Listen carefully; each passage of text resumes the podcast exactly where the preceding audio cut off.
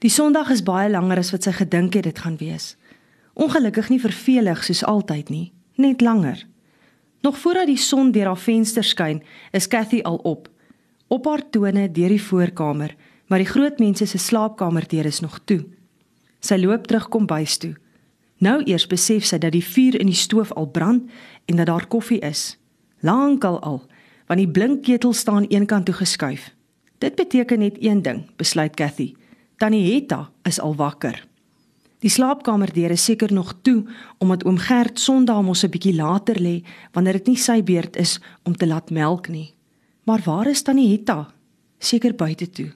Cathy trek vinnig aan en wil net uitloop toe die kombuisdeur van buite af oopgaan. Oom Gert groet nie, gaan sit net by die tafel. Hy praat mos eintlik nooit nie. Is tannie Hetta nog siek? Ja, antwoord hy en staar na sy breingebrande hande wat roerloos op die tafelblad rus. Voel sy beter? Nee.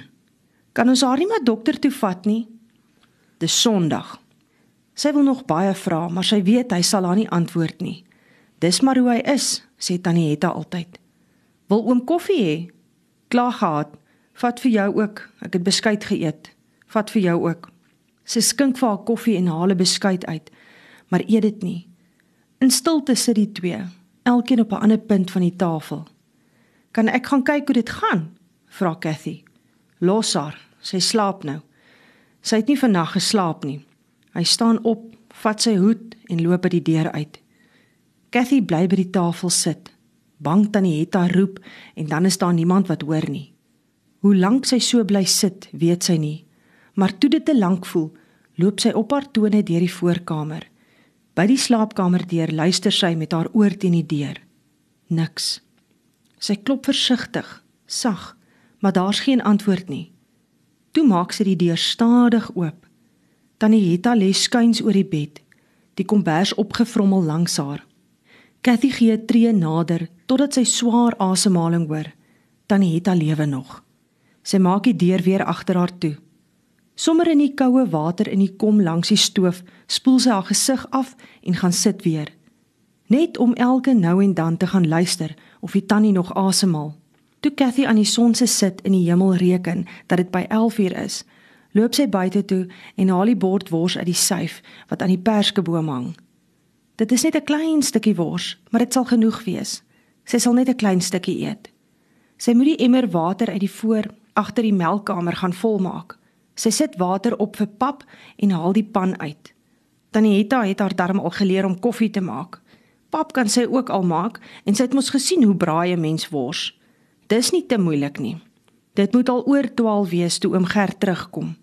Waar hy was, weet sy nie en sy vra ook nie. Hy loop deur voorkamer toe en sy kan die kamer deur hoor oopgaan, maar niemand praat nie. Sy slaap, sê hy en gaan sit by die tafel.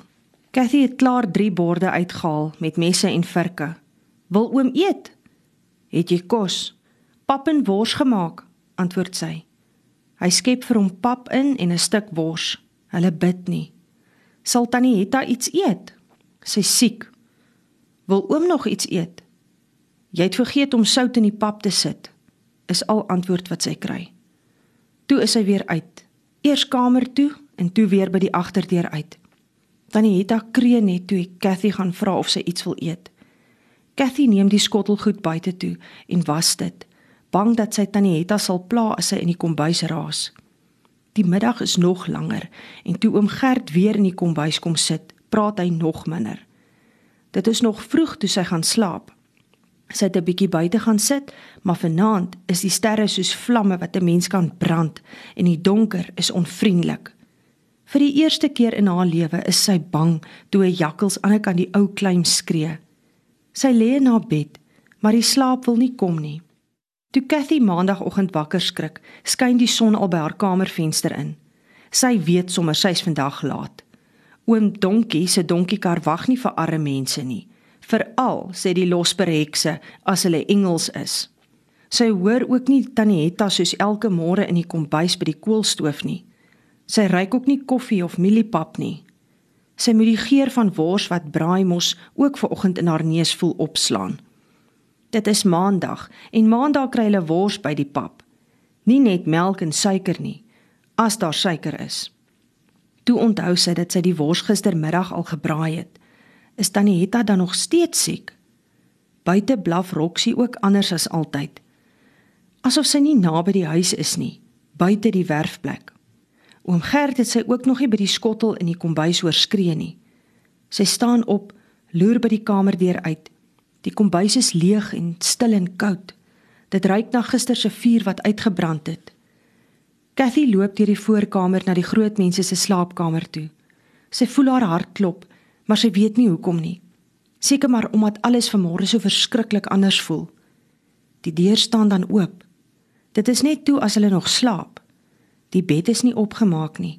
Dit lyk of die oom en tannie uit die bed uit opgespring en die komberse net so laat lê het. Die een punt van die bruin kombers lê half op die vloer.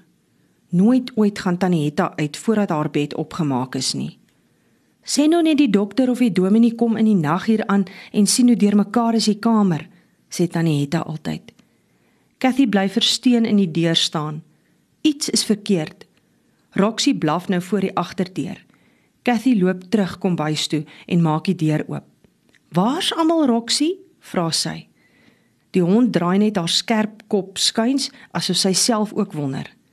"Daar's niemand op die werf nie." Cathy gaan terug kamer toe en trek vinnig aan. Daar's nie nou tyd vir was nie. Sy sal moet gaan hoor waar haar mense is. Toe sy weer buite kom, sien sy iemand op die werf van die plaashuis beweeg. Sy sal soontoe moet loop. Dit, dink sy, is wat juffrou 'n krisis genoem het toe sy hulle van die depressie en die droogte van 'n paar jaar gelede vertel het. Nou is dan ook 'n krisis, want sy kry nie vir tannie Hetta of oom Gert in die huis nie en sy sien hulle ook nie buite nie. Dalk het daar iets by die plaashuis of by die stadte of by een van die bure gebeur. Tannie Hetta gaan altyd help as daar iewers hulp nodig is. Sy help al het sy die dag hoofpyn. Cathy probeer om nie aan slegte goed te dink nie. Maar eintlik weet sy sy's bang vir die lelike stem wat hier binne in haar bly sê Tannie Hetta is sieker as wat hulle gedink het. Sy draai nie eers terug om haar hare te kam of om die agterdeur toe te maak nie. Sy sal plaashuis toe moet loop, al wil sy nie. Sy vat die voetpad sonder om te dink, want dit is die paadjie wat sy elke oggend moet neem as sy die donkiekar by die werfhek moet kry. Vanoggend kan sy aan die son sien dat die skoolkar lankal weg moet wees. Roxie sien haar loop en kom agter haar aan. Sy weet sy mag tot by die werfhek saamloop. Ek gaan nie skool toe nie, Roxie. Ek gaan plaashuis toe om te hoor wat aangaan. Jy kan nie saamkom nie. Jy weet hulle wil jou ook nie naby die werf hê nie, want hulle sê jy grou die werf vol gate en jy soek net bakleierery met hulle simpel honde. Hulle weet jy sal al 3 daai brakke met een hap opvreet. Hulle sê hulle is bang jy kom iets oor, maar ek weet hulle jok. Hulle sê net nie reguit armonde is ook nie op Varkensfontein se ou simpel werf welkom nie. Jy ken mos ook darm al die duisels. Hulle is nie net met arme mense lelik omdat hulle dink hulle is sodanig ryk nie. Wag hier, ek sal kom sê. Sy loop so in droom oor wat dan ver oggend verkeerd kan wees dat Cathy al by die plaashuis se tuinhekkie is voordat sy dit besef. Sy sien hoe haar hand bewe toe sy die hekkie in gedagte oopmaak. Sê nou net tannie Hetta is ook nie hier nie. Cathy stap uit pure gewoonte om kom bys toe. Twee van die honde is langs haar, maar sy steur haar nie aan hulle nie. Sy ken hulle en hulle ken haar. Honde gee nie om of 'n mens arm of ryk is nie en hulle gee nie om as jou pa Engels was nie. Maar sy praat nie met hulle nie want hulle verstaan nie soos wat Roxie verstaan nie. Van die melkkamer se kant af kom 'n man met twee emmers. Waar's al die mense? vra Cathy. Hy gaan stil staan en sit die twee emmers vol melk versigtig weerskante van hom neer. Het jy nie gehoor nie? vra hy. Die manier waarop hy dit sê, laat al haar hart in haar bors opspring voordat dit in haar keel ophol en agter in haar mond kom vassteek. Wat gehoor? Hulle het haar in die nag kom haal met die ambulans. Vir wie kom haal? Maar sy weet voordat die man antwoord. Misetta sê hy en tel die emmers op. Cathy weet nie of sy op die plaashuis se deur moet afstorm of huis toe moet hardloop nie. Nou staan sy maar. In die agterdeur wag tant Gertruida, maar sy praat net met die melkman asof Cathy nie daar is nie. "Waar is tannie Hetta?" skree Cathy en voel hoe die woorde oor haar tong hardloop soos honde wat storm. Die huil is ook in die woorde se pad. Hospitaal toe in die nag, skree Gertruida terug. Hoekom? Sy siek. En oom Gert, hy saam. Niemand het my geroep nie.